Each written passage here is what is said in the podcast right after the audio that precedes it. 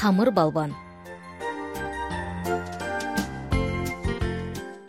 Мурунку өткөн заманда баласыз кемпир чал болгон экен. Бир күнү кемпир камыр жуурганда алда кудай ай ушул менин камырым бала болуп калсачы деп арманын айтып тышка чыгат. Тыштан кайра келсе баягы камыры бала болуп калыптыр. Анда баягы кемпир чал бири бирине сүйүнчү айтышып абдан кубанычта болушуп той беришип атын камыр балбан коюшуптур. Ал абдан балбан кайраттуу эр чыгыптыр. Камыкең алтымыш өгүз элүү ат араң кыймылдата турган темир таяк жасатып алып он жети жашынан саякатка жөнөйт. Жолундагы шаар эли үркүп кете баштайт. Себеби таягы жерди дүңгүрөтүп солкулдатса эл жоо келатабы деп качат экен.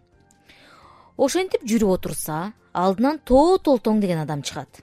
Анда камыр балбан эмне өнөрүң бар? деп сурайт.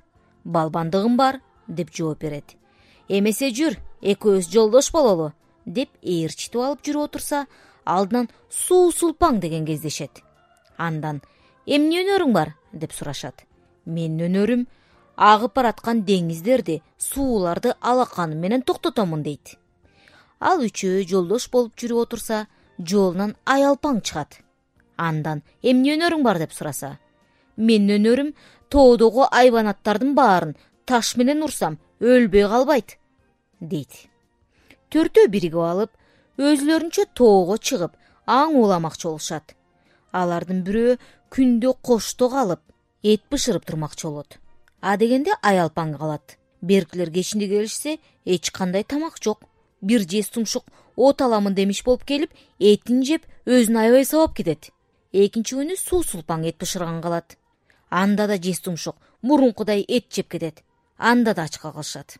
Үчүнчү күнү камыр балбан калып эт бышырып отурса жез тумшук келип эт берчи деп камыр балбанга айтат анда камыр балбан эт жебей чок же дейт ал экөө ошол жерден кармашып камыр балбан баягы темир таягы менен чаба баарда жез тумшук качып жөнөйт. Тиги кууп жетпей калат.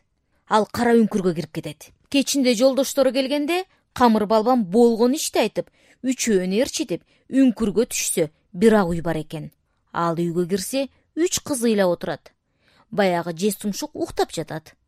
Аны камыр балбан таягы менен бир эки чаап жиберсе тура калып кармашат үч кыз унчукпай отура беришет.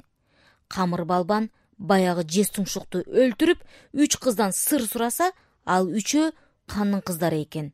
Үч кызды камыр балбан тышка алып чыгып үч жолдошуна барып үч кыздын бирөөнү өзү алып экөөнү тоо толпоң менен суу сулпаңга берет аялпаң кур калат үч кызды үчөөбүзгө бербейт деп үчөөнүн ичинен нааразычылык чыгып балбанды өлтүрмөк болушат аны балбан билип калып үчөөнү тең кызылдай сабай турган болгондо качып кетишет. Үч кызды балбан ханга кабар айттырып шаарга барат. Барса баягы үч кыз ошол хандын кыздары экен. Хан өзү хандыктан түшүп балбанды хан көтөрөт. Ошентип камыр балбан хан болуп карыган ата энесин багып калыптыр